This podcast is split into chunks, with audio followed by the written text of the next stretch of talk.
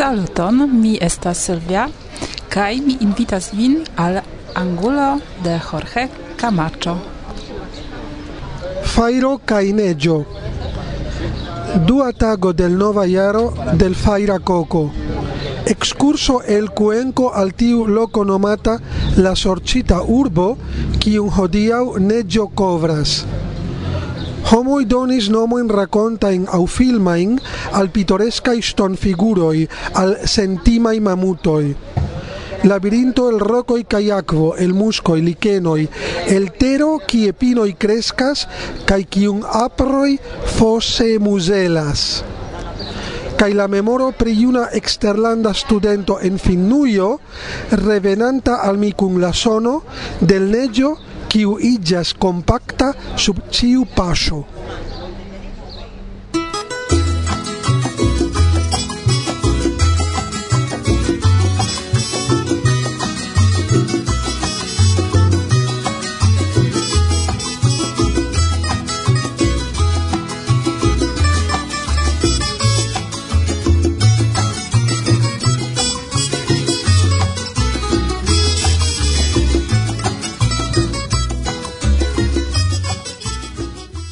Varsovia vento. Mi audis ianan historion, ke al la sex butico venis avino Kai la vendistino, la butikistino demandis, kion vi bezonas, signorino? Si diris, ĉu vi havas gumajn virinoin? Yes, ni havas gumajn virinoin. sed mi bezonas kun okulvitroj. Por kio vi bezonas kun okulvitroj? Ha vidu, mi volas fari donacon por mia nepo, sed li ŝatas saĝajn knabinojn.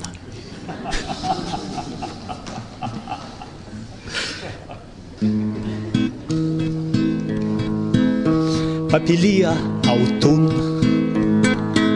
La aero plen plenas je revoj Adiau a Sanseroi, coino flugas al sud super mi, cae hesitas mi nun. Inter miai preferoi cae devoi, inter vero cae vero, la realo cae la ilusi, cae hesitas mi nun. Inter miai preferoi cae devoi, inter vero kai vero la realo kai la iluzi ion kaŝas maten savas min konifera arbar de turmentic triviala per amica humida bracum. Mi liberas kai sen consequenza pensad mal singarde sen serciado chiala simple pasas al fora clum mi liberas kai sen consequenza pensan mal sin garde. Sen serciado chiala simple pasas al fora e clum ci nascigios la ver? Absoluta sen duba difina en senzorga pasado en latina kai muska expir. Min alvoca sincer de malcasha rigardo virina kai foresta lapado ki gvidas al saĝa elir. Min alvoca sincer de malcasha rigardo virina kai foresta slapado ki Kiu gvidas al saĝa elir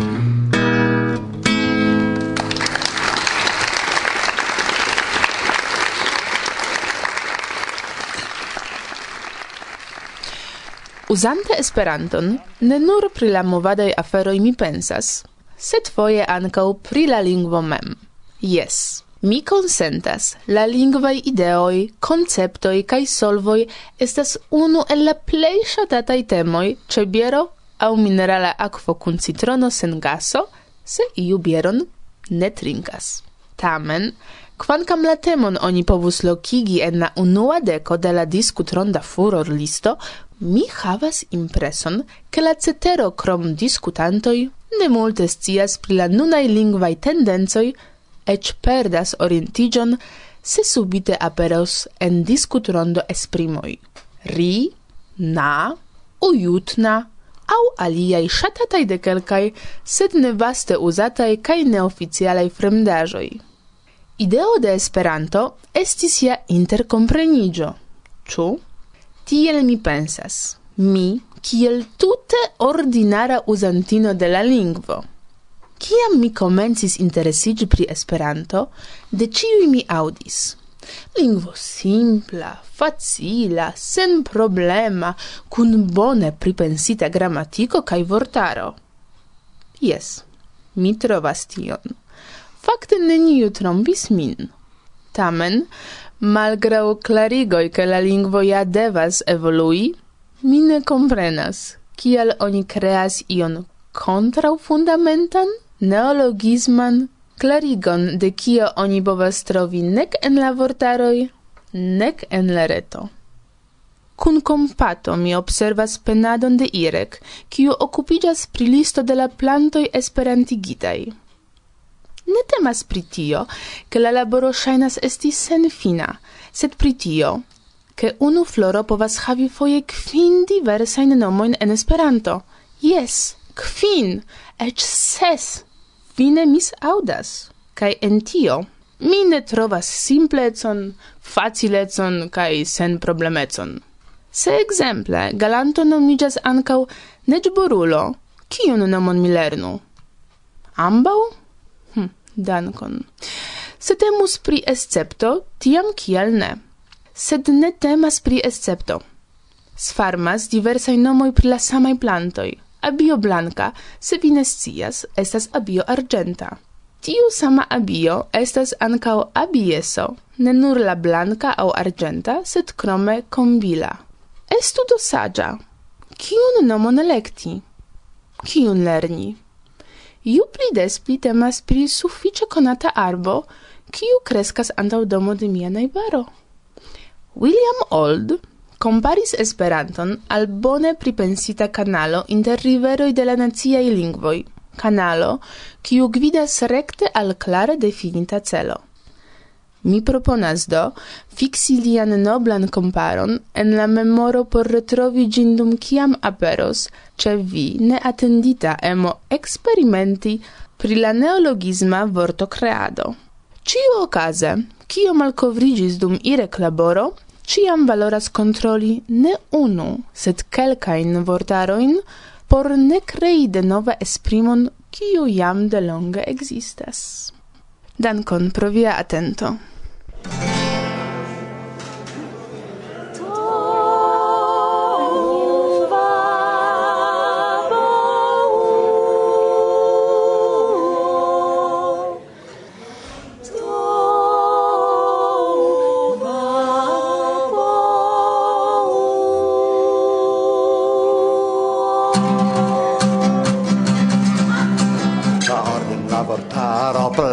al mi la sistematico plenigas min per giuo.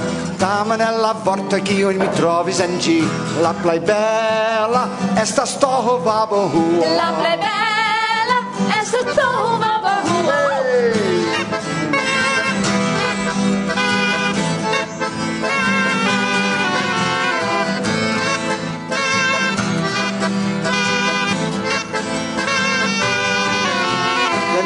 Kaj ĝardeno kai domo la stat travigas nur unu concludon Kiel ajn mi provas conformigi al mia deca strat Mi ne povas elsafiĝi el toho vabohuo Mi ne povas elsafiĝi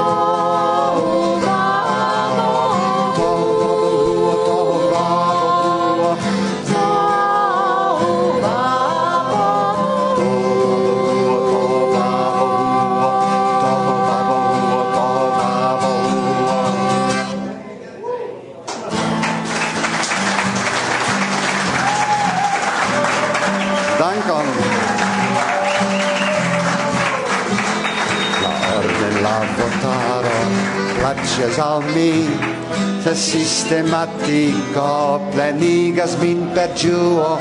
Tamen el la vorto kiun mi trovi en gi. La plej bela estas tohuvavo huo. mi povas klopodi ataro plaĉas al mi la sistematico plenigas min per giuo.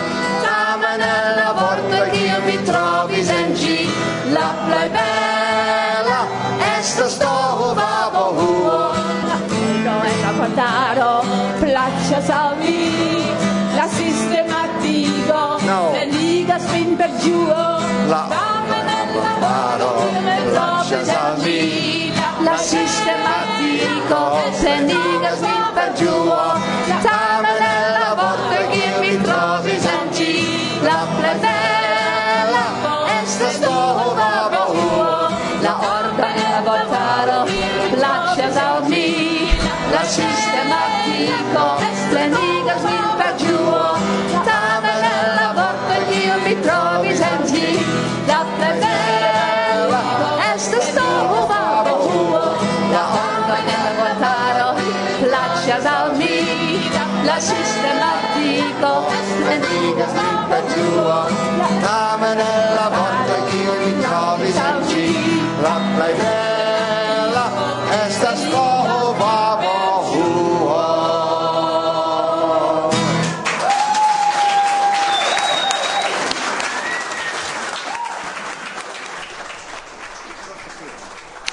fino de via prelego estis iom trista. Diris che ogdec jaroj poste vi observas samon pri kiu vi prelegis, kaj vi fakte prelegis pri historio antaŭ ol ogdek jaroj. Temis pri homoj, kiuj forkurante pro la milito serĉis simple savon de sia vivo do unue presentigio.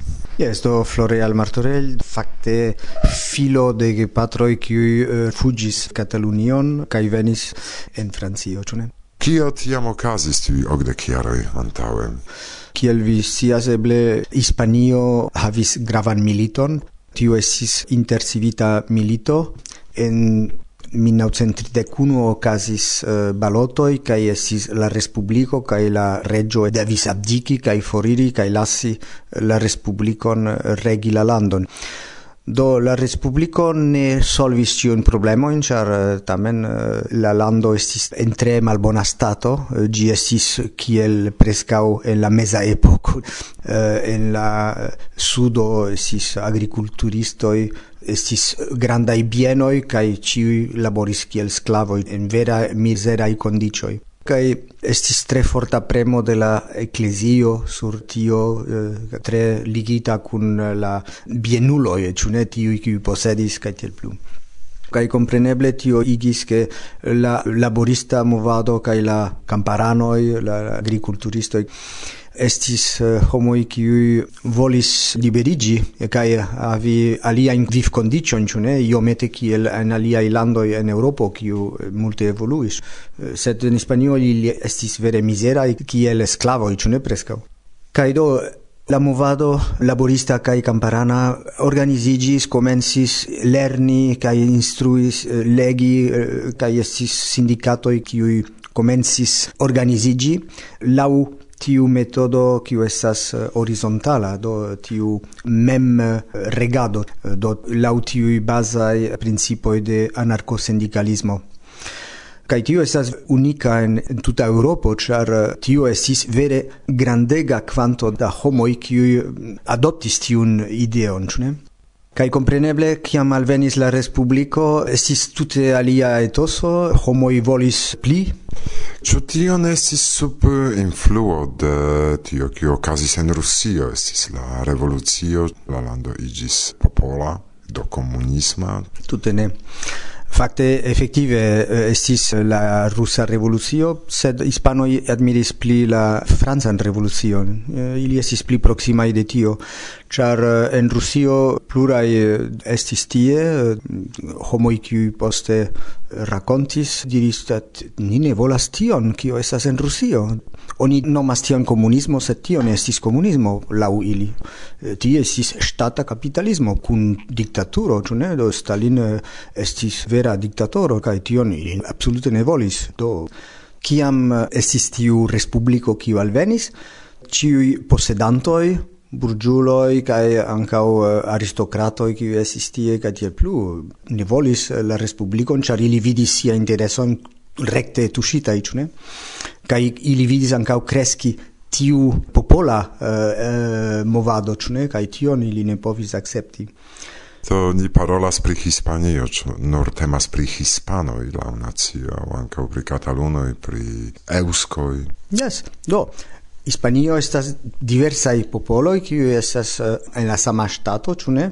Kai juste kiam estis tiu respubliko, estis tiu regionoj kiuj postulis havi pli da autonomio eh, por havi siajn proprajn kulturojn kaj efektive estis grandaj diferencoj inter eh, Andaluzio, Katalunio, extremaduro aŭ eh, euskio Jes, kompreneble. Sed ĝuste la respubliko tio respektis kaj oni donis autonomion al tiu al Katalunio, al Andaluzio kaj sed tute malsama ol kiel nun, ĉu ne? Dum estis tiu respubliko tamen la problemo ne solvigis. Char eh, ne estis solvoi, estis economia criso, eh, la homoi pensis che post la respublico cio estus pli bona, cae la homoi mangius eh, lausia gusto, cae logius en pli bonai condicioi, cae tia plu, cae tio ne ocasis, char tamen la respublico e la registaro estis burgiaro. No?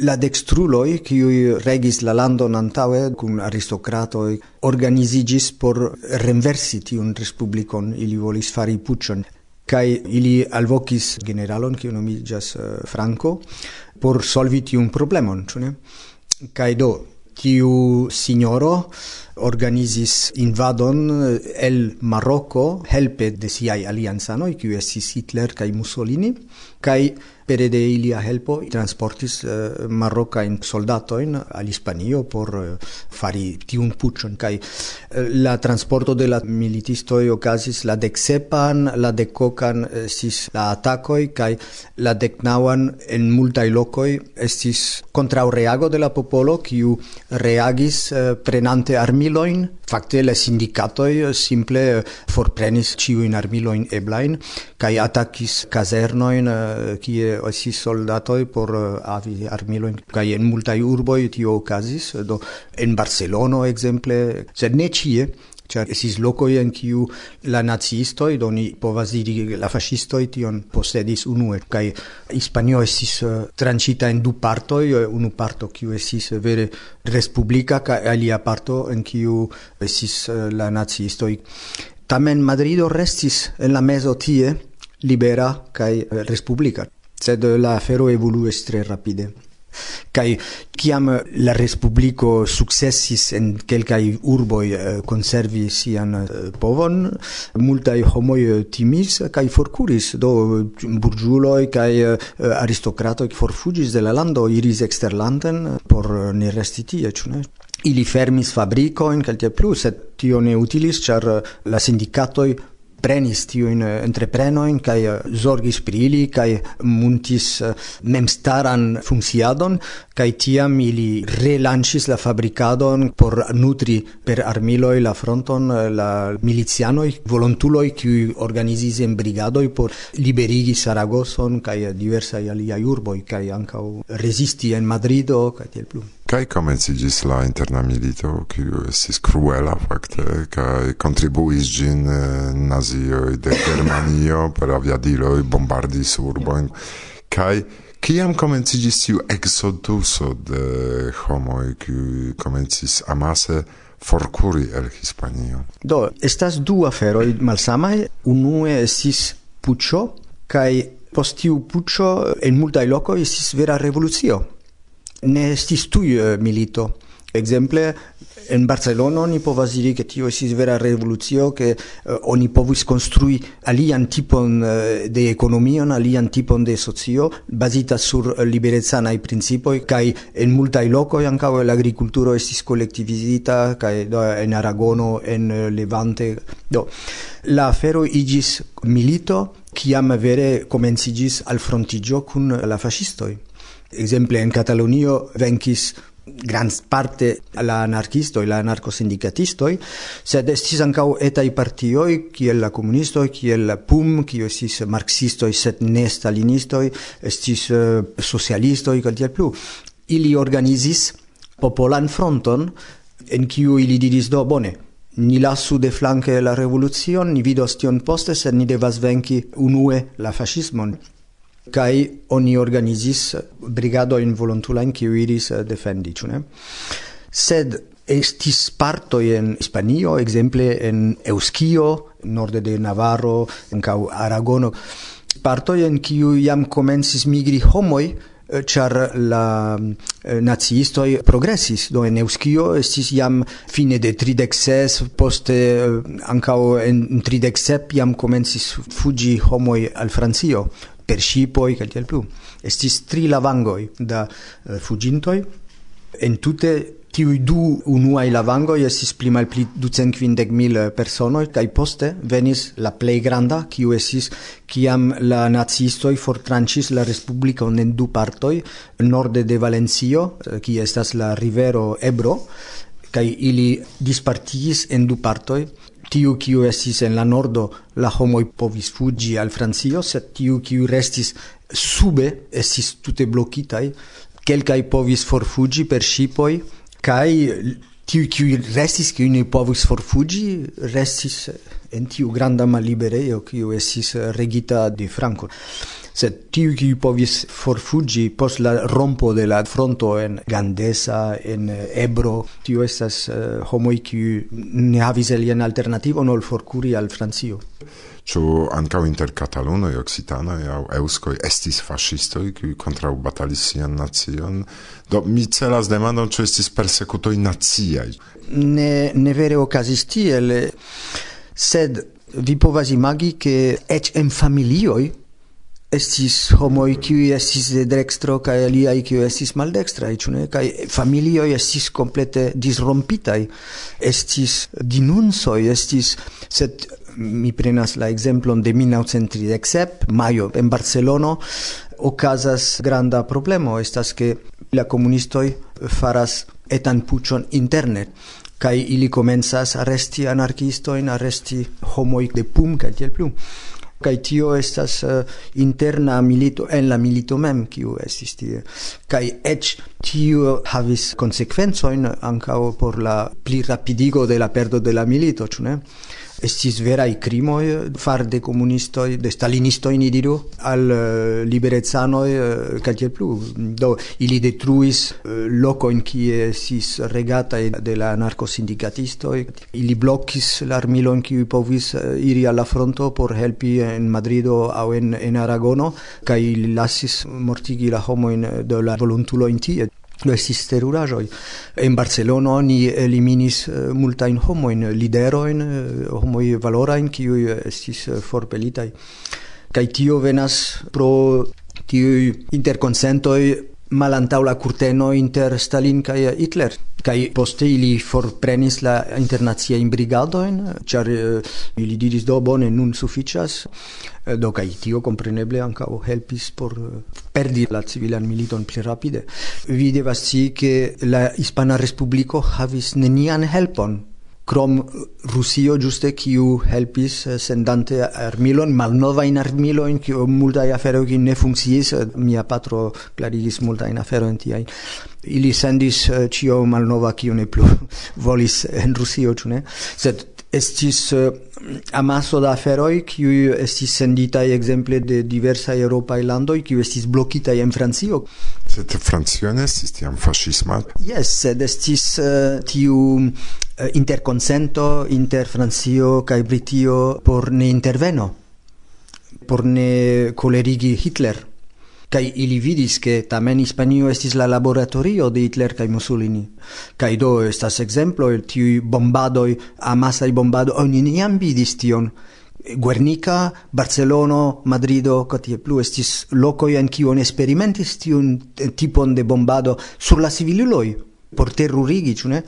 Kaj oni detruis kompletajn urbojn tiel. Kai tio estis por ili maniero testi kai provi eh, jam por la dua mondmilito. Tio estas klara.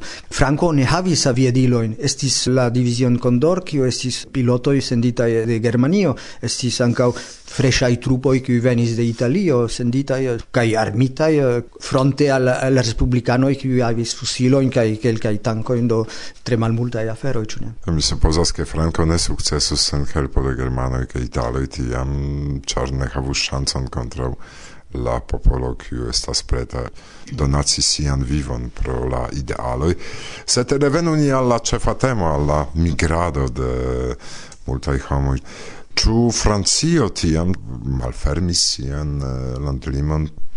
Do fakte post la rompiĝo de la fronto en eh, Ebro estis uh, forkurado al la nordo kai tre rapide Barcelono estis uh, atingita de la nazisto ĉu ne? Do antautio estis eh, uh, sufiĉe granda paniko kai civilulo jam komencis foriri al la nordo. Tio signifas ke la landlimo alvenis jam komence de januaro, homoj kiuj atendis, sed la landlimo estis fermita. Oni devas scii ankaŭ ke la homoj foriris uh, sur la stratoj kai la viadiloj ĉasis ilin do estis multaj mortintoj sur la stratoj al la nordo al Francio de civiluloi cefe. Do oni pretextis ke estis ankaŭ militistoj ĉar en la fino ĉio ĉio estis kune sed eh, mi havas la ekzemplon de mia patrino kiu decidis forlasi la stratojn ĉar eh, tro da kadavroj Kaj do ili iris tra al alla nordo tiel. Kaj kiam ili atingis Figueras, kio estas la plej proksima urbo al Francio, Figueres eh, jus estis bombita tiam kai sis amaso da mortinto en Figueras kai ili eĉ ne eniris en la centra urbo ili poriri al nordo decidis ne preni la vojon ke iras al Pertus char oni diris ke tie jam estis blokita kai ili sekvis laŭ la maro por trairi en Cerber kai kiam ili atingis tie la, la lokon estis fermita kai post unu aŭ du tagoj ili malfermis la, landlimon. Sed oficiale la, landlimo al Francio estis malfermita la dekdua de januaro. Do tiam estis iom malvarme, mi supozas, por homoj, kiuj alkutimiĝis vivi ĉe mediteranea zono. Do, facte, estis diversae problemoi. do estis montaro, neggio, kaj tiel plu kaj eh, la homo qui venis eh, pro la persecuto for lassis la aferojn kai fakte atingis la landimon preskaŭ nur kun siaj vestoj punto. Homo eh, venis piede multaj ja ne plu havis in do multaj homo tiam mortis ŝajne pro manco de manzo. Yes, sed tio ne dauris uh, eh, tro longe fakte, char eh, la distanso inter uh, Barcelono kaj Francio estas uh, 200 kilometroj. Tio estis farita en tri kvar. Do tio signifas ke homoi ne tiel malsatis, sed uh, cefe estis pro frosto. La malsato venis poste, char mm -hmm. la limo estis malfermita, la francoj acceptis la Hispanoin, sed tiuj Hispanoi uh, estis por ili problemo char alvenis ducent quindec mil personoi, kai ili ne estis preparitai al tio, ili ne estis ec kie loci ilin, tial ili tre rapide construis kiel diri concentrejoin eh, sur la strandoj ĉar la sola loko kiu estis libera en la vintro eh, estis grandaj strandoj de sablo kaj eh, metis la homojn tie sed sen nio alia mi ne trafis unu via komparo ke la loko kiu nun hodiaŭ homoj sunbruniĝas iĝis eh, fakte la plej terura koncentrejo Yes, absolute. Kiam ni faris la viziton de Toulouse, estis uh, la gvidistino kiu diris ke la urbestro de Argeles, kiu estis dextrulo, plendis ke la plagioi estis occupitai de homoi qui malpermesis alla locanoi iri banisin en la maro kai eh, ili volis forigi tion porque la locanoi povu eh, iri son brunumi sur la strando, ĉu ne? To estas la unua parto mm, en kiu ni priparolas la problemon kaj eble ni montros al eh, homoj la bildojn, la paĝon pri tio, ke ili iomete eksciu pri la temo pri kiu ni nuntempe parolas, kaj poste ni parolos kio okazis poste fakte, ĉar tiam en tiu momento kiam ni finas la unuan parton comencijas vera tragedio, ĉu? Mm, absolute, do la tragedio estas la tragedio de la exilo. Oni perdis ĉion, oni perdis la esperon unue, ĉar ili travivis militon, kiun ili pensis gajni kaj kiu estis malvenko, kaj ili perdis ĉiujn iluziojn, ili perdis familiojn, ĉar alvenante en Francio oni disigis la familiojn, do viro iris en un flanke, virinoj en alia, infanoj kaj tiel plu. Do esiste complete disrompo della tutto.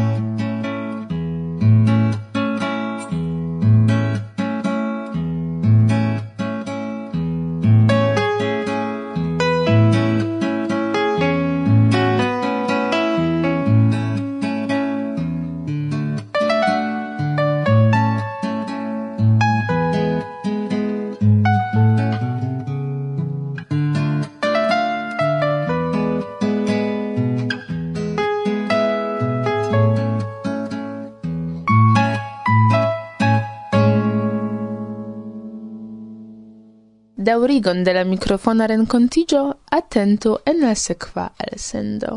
Falso via vento, bla bla bla.